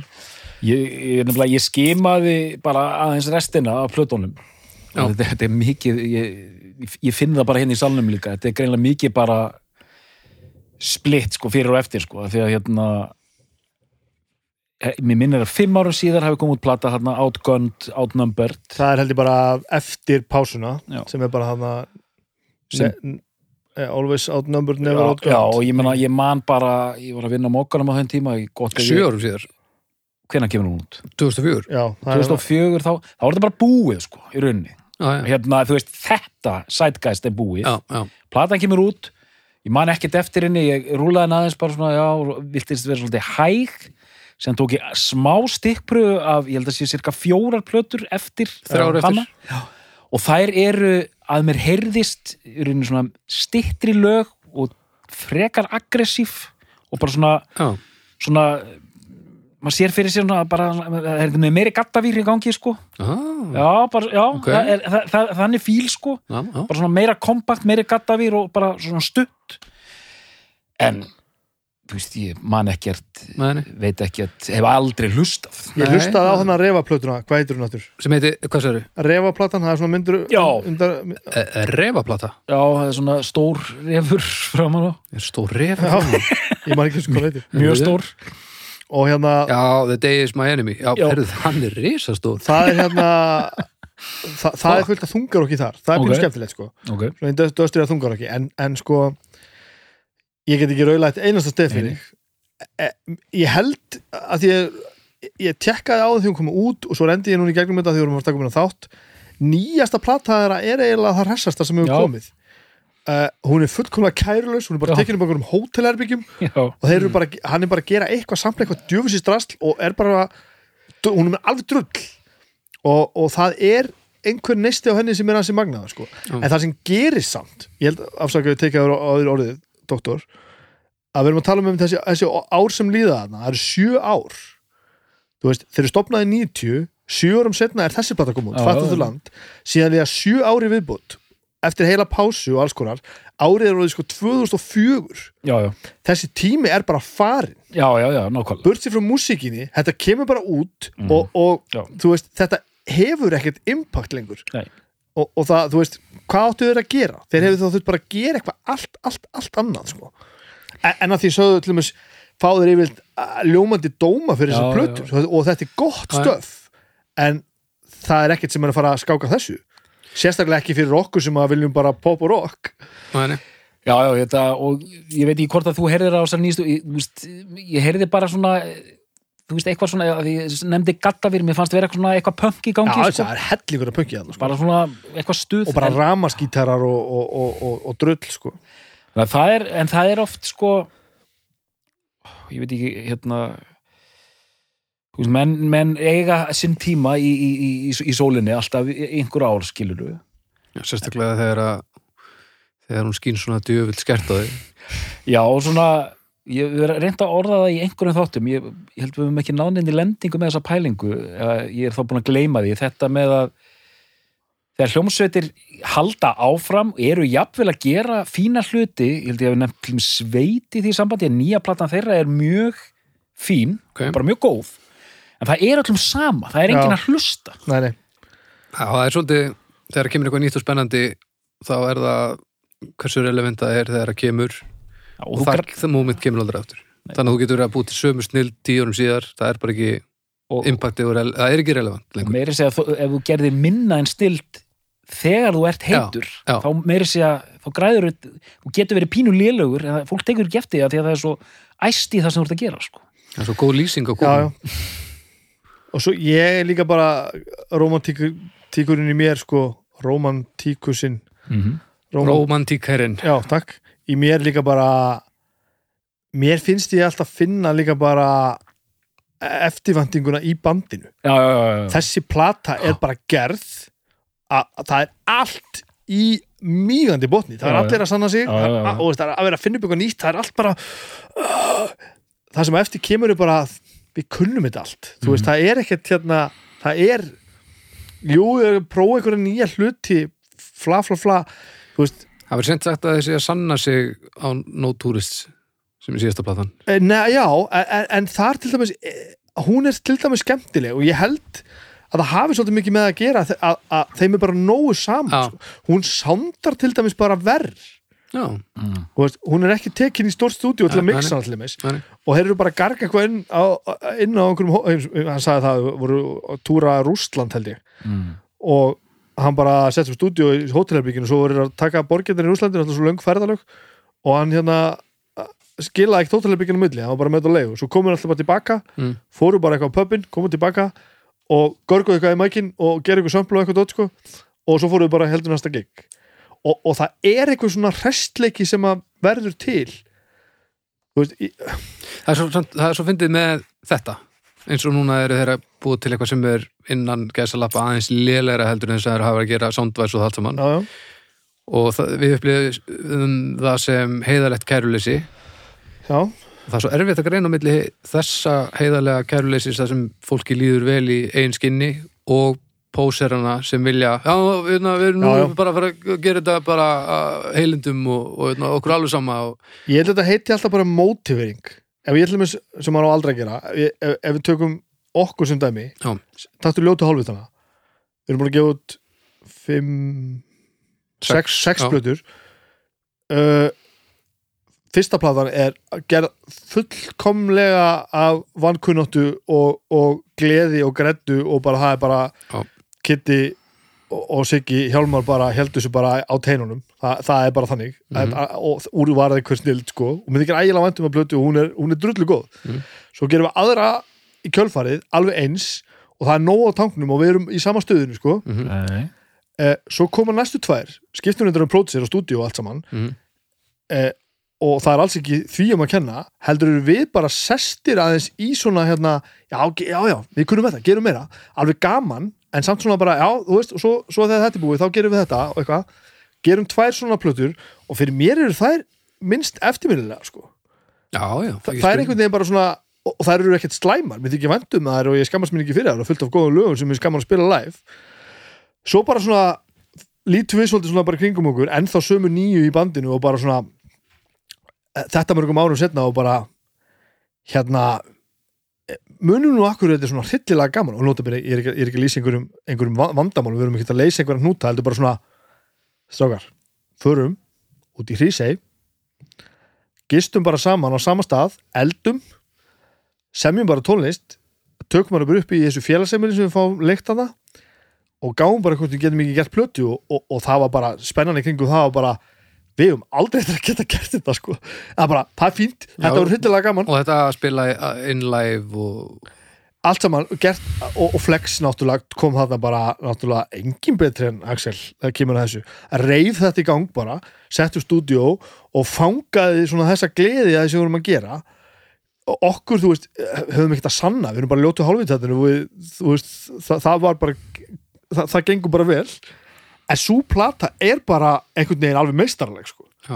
Og svo gerum við það aftur við fórum aftur, háða, tókum við síðustu plötu á pressitrinu hjá, hjá Oddi Bjarna og settum um ykkur svipaðar aðstæður og leiðum bara gisti heimili og, og, og einhvern veginn náðum að svona finna e, ekkert upp hjólið, alls ekki bara finna bara svona, akkur finnst okkur þetta gaman? Hvað erum við að gera hérna? Og, og, nýjustu tvær plötunar eru uppáðsplötunar mín með ljótu hálfvitunum að við náðum bara einhvern veginn að bara svona munið, hvernig, Já. hvað er við erum af hverju er þetta svona, þú veist, við erum að, við erum að ná hérna ekki bara, já, já, við kunnum þetta bara gerum eina sveitplötu viðbútt bara, úst, Þannig að voru þetta að tala um sko hérna í, svo, í þessu samíkja hérna, plata þrjú og fjögur þá voru þau orðnir svona þetta við er, þetta er bara kurva sem að sem að gerist aftur og aftur. Já, þetta Það er mjög bara kunnugleg kúrfa. spurning hvort séu tvær, þrjár eða fjóra plötur þangað til að, að þú kemur með dóðaplötunar dóða já, Já, já, já, hálf- eða, eða nú búum við til listplötunar við, ja, við lentum líka aðeins í því. Við Já. gerum pínu eitthvað held, Og list heldum er bara, náttúrulega- ljótu hálfvitunum getur farið í eitthvað, eitthvað alveg gefur meistra Já, þú bara svona pop. Og list, það bara gleym, gleymist ofta list er leiðileg sko. já, já, svona, já. svona ef hún er ekki algjörlega kemur frá náttúrulegum stað heldur svona pínu eitthvað svona "Ey, við erum búið til list. Og þá er hún alveg hryllileg sko. Ó, já, svo helsek fyrir því og það var aftur, mér finnst þetta mjög gott. Þegar þið reyndu að gera list var það á, þrjú og fjör. Já, já, já, ok, ok já, já, svo dettur kæruleysi aftur inn og síðasta plata er til dæmis bara frekar óaðgengileg en mín uppáhalds. Já, hún er bara hér. skrítin og, og meira fokkitt element og, og, og í rauninni er ekkert nýtt að frétta. Það er ekkert eitthvað, við gerðum ekkert eitthvað glæ nýtt á henni. Og döðlur margir leiðir að núti núna sem komið hérna til að hlusta á protið í þátt og nú eru bara að heyra sögur á um raskatinu það er auðvitað sko svo ég komi með hliðstættæmi úr mínu fæi nú er ég búin að kenna í fimm ár í háskólanum. Og hérna þegar maður býr til námskeið í fyrsta skipti og kennar í fyrsta skipti og hvað er- tókstu mörg ára leiðilum námskeið? hvað séru? Hvað tókstu mörg ára leiðilum Auðvitað eru, auðvitað eru öll námskeiðin sem ég kenni snild. Ó já, Já, já, já. Ó já. Nei, hérna hérna, að því að eitt námskeið bjó ég alveg til sjálfur og kenni það sjálfur. Já, og maður er stressaður já, en maður er til í þetta, maður er spenntur maður er æstur, maður er að gera eitthvað nýtt maður er að gera eitthvað í fyrsta skipti og maður fer ótrúlega langt bara og þú veist, ég veit að reyf alla nefndum eða finnst það vantaði ekki gorgerinn í mér að sjálfsögðu sko, bara, finnst ykkur þetta ekki aðeinslegt námskeið krakkar? Þetta er snild, þetta er algjör snild finnst ykkur það ekki? Jú. En síðan bara lendi maður með allt að í þriðja fjórða ár eða þriðja fjórða plata, eða hvað sem hún gerir þá, þá er maður að finna inn í sér maður er orðin vanur, maður kann þetta maður gerir þetta vel, það er í lagi en þú nærð aldrei aftur að því að það er lífeðlisfræðilega ómögulegt að þú getur ekki gert í fyrsta skipti aftur í Nei, fyrsta þú getur ekki endur upplifa það er ekki hægt ræðsluðun og spennuna Vi, við erum samt að, að gleyma þessu fræga sem er náttúrulega að tala um þetta second album syndrom Mhm. sem er náttúrulega það að þú ætlar að gera sama meistarafekki á plötu nummer 2 og það, það gengur aldrei sko. nei, nei. Nei, Við lettum einhvern veginn ekki í því samt. það var kannski bara því að fyrsta platan er eins og hún er sko. Já, hún er samt, hún er samt góð sko. Já, hún er góð, en, en ég meina eh, maður þarf að búa til meistaraverk fyrst til þess að eiga erfileikum ok, Já. point, point, taken það er en það er en þetta með second album syndrom er mjög gott dæ, og þetta heilkenni eða, þú veist, sem við þekkjum Strokes, fyrsta platan en það er náttúrulega líka og þá bara, þú veist, hvað er að gera skilur og að, þú veist en, en, en það er nú oft markaðurinn líka sem að skapar þetta sko. Mm. það er oft þannig að þú veist það slær eitthvað svo Já, ofbást í gegn að það eru allir að býða og, og, og þá kemur alltaf þetta sama. Það er allir eftir að, að býða til því að það komi meira að því sem þú varst að gera. Í fyrsta lagi þarf það að vera alveg eins að því að þú veist, þú vilt bara heyra það sama og heyra síðast. Já, já. en samt þarf það að vera betra Já. heldur en það sem það er fannst algjörlega frábært Mm. og þess vegna er þetta að býða til meira. Veist, þetta er bara órunhæft sko. hérna En þetta já. er global dæmi. Já, og ætl- hvað- ætli þetta hafi verið svona alltaf, þú veist, hefur Mozart bara eitthvað eftir fyrsta bara hittara bara "Oh, fuck maður. Ég meina, kannast eitthvað við aðra sinfóníu Beethovens? Nákvæmlega, það er bara eitthvað. Nei, síðan er til þess að, mér finnst þetta með Prodigy mér finnst þetta að vera, í mínum bókum er þetta uppbygging. Fyrsta platan, önnur platan, þriða platan mér finnst, mér finnst þeir toppa hér sko. Já, mér líka. ég er saman Mér líka. en sko þetta, eh, mér finnst þú gaman að tala um þetta þetta, þetta já, annara blötu syndrom þetta er, þetta er hérna það er Heitlandi, já, það er eitthvað heitlandi við þetta að hérna, það er svo mikil ángist í kringum þetta. En þú sér markaðan fólkið vill, einmitt, já, ég ætla að segja ég er svo ánægði með hljómsveitina of Monsters and Men, mér fannst þau leysa þetta svo ótrúlega vel. Já, fyrsta platan þeirra er bara frábær. Mhm. Önnu platan er svo frábærlega leist second album að því hún er næ, næstu því eins og fyrsta. Já. en það er smá darkness. Já, þetta var ógeðslega hjá þeim já, bara svona rétt svo bara svona, tekur svart, svartan pipar aðeins. Ég hlust á hana og bara þetta, þetta er svo vel leist að ég trúði því valla sko. Það er því að, við fengum ágætis hlustun á fyrstu blötuna það var smá pressa sko. Já, já, já, já, það var alveg og þetta, þetta bara steinfokkin liggur. Já, og þau náðu þarna og þetta er hægt hérna, að ná, ná balans á, en, en maður mann meira eftir hinnu Já, þetta miður. sófumosla hörmungar mannkins eru eftirminnilegri heldur en tindarnir. er maður ekki- maður dvelur ekki við eitthvað vera farsælt. Er maður ekkert man gaman ekki að því. sérstaklega vel eftir því þegar það varð ekki stórslis sko. en aftur að, að próti, ég held ég færi nú bara að kalla á uppgjör. Já. Við erum ekki alveg búinir Já. Ég held að geti ekki verið, við erum til dæmis eftir að fara yfir bæði hérna pressuna sem ég er með og lagalistan. Og svo þurfum við alltaf að að ræða um, um kannski byrjum á því að það hefur týnstæðins úr hópnum. Já, Líró náttúrulega hætti bara þetta held ég alveg í góðu og hefur mér sér komið eitthvað aðeins að því að vinna með þeim eitthvað síðan sko. en hann náttúrulega var svona var kannski svona augljóslega orðin fjórðahjólið, ég veit ekki alveg hvað það er. En hann svona, og, og ég man að hann svona bara týndist í burtu hann er í bríðvídeónu sko. er hann í smakmaði bits up vídeónu og svo bara einhvern veginn bara svona var hann ekki lengur, allir það hefur bara verið í þessari pásu sko, því þegar ég sá það hann svo á 2002 þá er hann ekki með sko. Og Nei, en það, er svo sem breytt engu, þú veist, úr því sem komið var. Bandir alltaf breyttist mjög mikið þegar þeir voru báðið konum með mæk og fannir að anskotast sko. Já, já. og svo náttúrulega bara hvað Fell, já, síðan fellur hann frá þarna og það er hvað, 2019 það er Keith allt í einu bara og það var dálítið óvænt. Já, var það ekki frekar óvænt? Var, var, þú veist, ég held að hafi, hann var allir, þú veist, hann, hann hafi verið í einhver hlaupi bara tveim vikum fyrir þig var orðin svona líkamsæktar já, og ægilega fitt og glæsilegur og búin að kaupa, kaupa hann að bar sem að var hann algjört legend og hann ægilega svona breskur pub eigandi. Og svifti sér svo lífið og það var náttúrulega mjög bratt sko. Dálítið hrifin að þessari pressu lengi vel þegar ég var að vinna í Japis og það var auðvitað geisladiskabúð fyrst og síðast og það var einn kassi sem voru með sem voru nokkarar svona vínilplötur. Eina plötunum var Prodigy á vínil ok, Mhm. þetta er, nú- þetta er ekki mikið vínil tímabil, allir þetta hafi verið gefið út á vínil á sín tíma? Já, já, já, þetta var greinlega sko. Hérna, en þú veist, einmitt 97 er bara, er bara bara alveg- allt komið í bótt sko. Þetta lágpunktur hefði í átt að vera mín vínil diskur sko. En þetta er, þetta er, fló, þetta er hérna fyrir ykkur vínilnördana, þetta er tvöföld pressa, ný. Hvað ár er þetta? Coverið, hvað vil ég segja mér um coverið? ég er rosalega ánæður með hérna efnið í kóverinu, Já, pappirinn Já, þetta er Já. svona fínu grófur pappir en, en bara fronturinn og plötunni. Já, glæsilegur. Ég, þú getur nú eiginlega að tekja allar allar framleiðan frá öllum prótisíplötunum það eru eiginlega allar, allar svalar sko. algjörlega, en, en krab, reyðikrabbin eða, hann, hann er ekki einu sinni reyður hann er allavega á ferðinni sko þetta er sturlu mynd sko. Þetta er glæsilegt og þetta, þetta, þetta lýsir þeim ótrúlega vel líka sko. og því miður sko fyrir vinikar þráin Átni Baldvinsson þetta er bara eðlileg pressa þannig að hann getur ekki, hann hlusta bara á plötur sem eru 230 gram eða meira sko. Þannig að Hann þetta er, þetta er venjuleg pressa ég er að finna útgáfa árið á þessu Hva?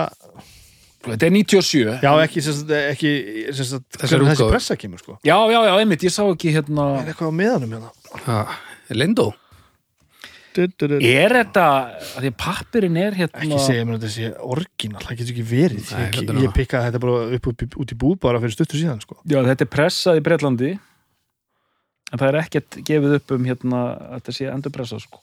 en ég, mér myndi að hún hefði verið einföld sko. já það er bara ég, þetta er, þetta er rosa, já, en þetta er alveg nýtt sko, það getur ekki verið sé- Já, gott, gott í þessu. Það er gott í þessu, góðu pappír góð, góða nærbuxur. Eða, eða er þetta kannski kallað brækur fyrir norðan? Wow. svo þurfum við nú kannski aðeins að hérna að lagalistin er Smack My Bitch Up Já, mm sem er alltaf gríðalegur opener gott lag. Og svo kemur bara Breathe Já. það var fyrsta hliðin búinn Já. svo kemur Diesel Power með honum hann að hann heitir hvað heitir hann sem á rappar hann með þeim? Diesel Power. Ég maður ekki. Gott ef að Heitir hann heitir Cool Keith.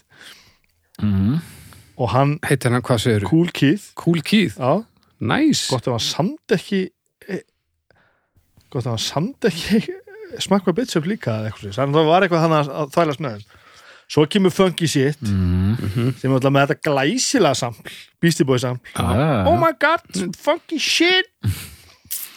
Þá er hlið B búinn. Mm.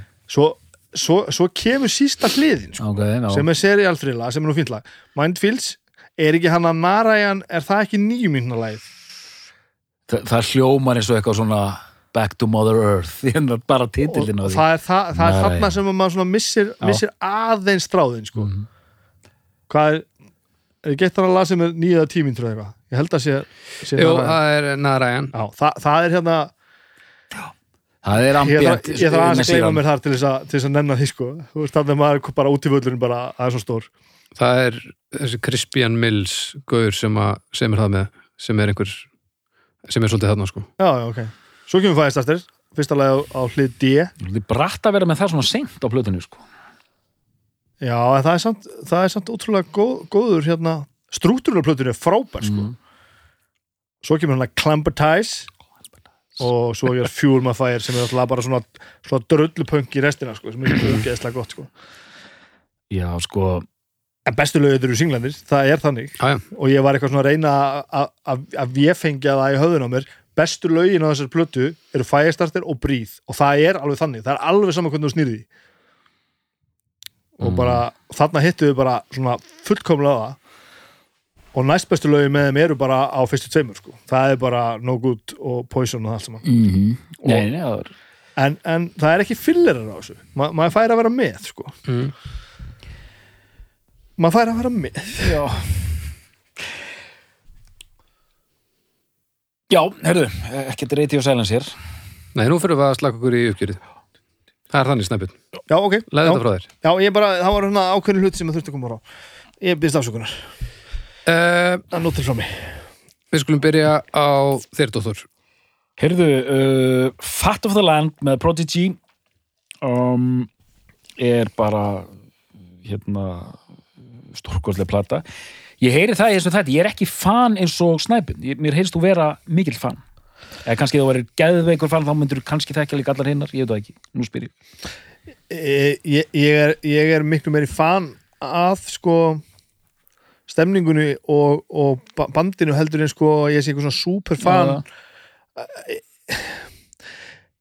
Ég ég var bara ég held að ég hefði bara verið svo fullkomlega rétt gamall þegar þetta kemur út sko.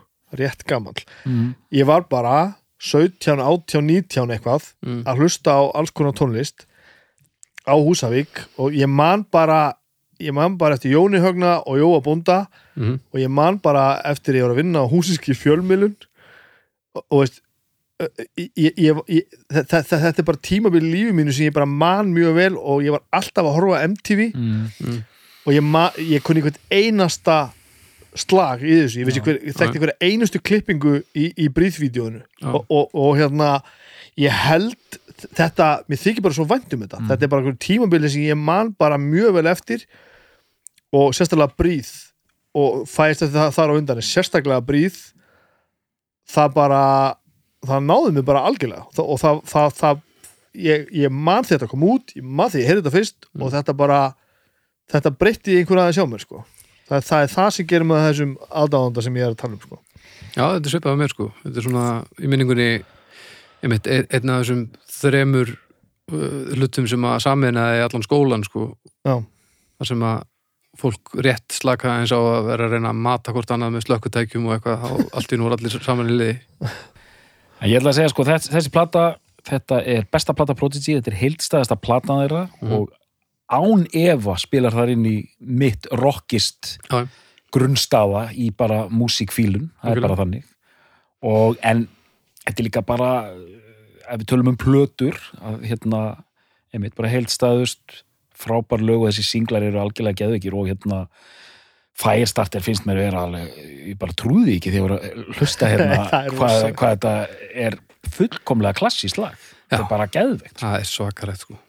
Þannig að það er, ég segi ekki meir. Það, þetta er mitt uppgjör. Fallegt. Þannig að Snæbjörn Er þetta besta plata The Prodigy? var ég búið með mitt uppgjör? Alls ekki.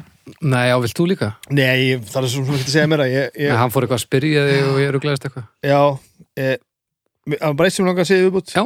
um, talandi um hliðstöðalust Þa, það er að sem magnað að að svona mörgum árum setna hafi orðið eitthvað svona ofbóðsli strömmkvörf þegar allt í hennu byrjar einhver bara að syngja sem Já, bara, já, Já, og hann var búin að vera að dansa í sjö á eða sex allavega. Já, já, og, og það er eitthvað svo galið að allt í hennu bara ég, ég ætla að prófa bara að syngja. Og, og það er það sem býr til snildina sko. þú veist, að miklu leiti auðvitað ekki bara, en, en, en þú veist þá allt í hennu gerist eitthvað svona óbúslegt Mm. og það, það er hérna það- mér er alltaf fundist það svona svolítið hérna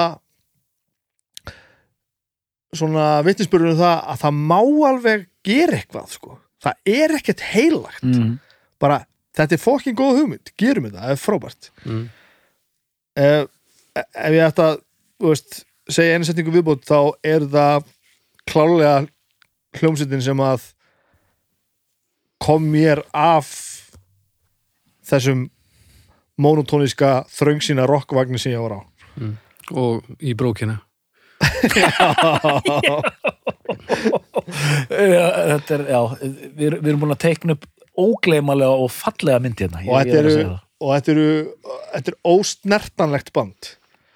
Já. þeir hafa ekki mistið í sig og þeir eru á þeim stalli að ef þú ætlar að drullu við Prodigy á, þá þarfst þú að hafa helvíti gott stöf í vasanum upp á það mm. að ætla að eiga eitthvað sensi að vera að tala þetta niður.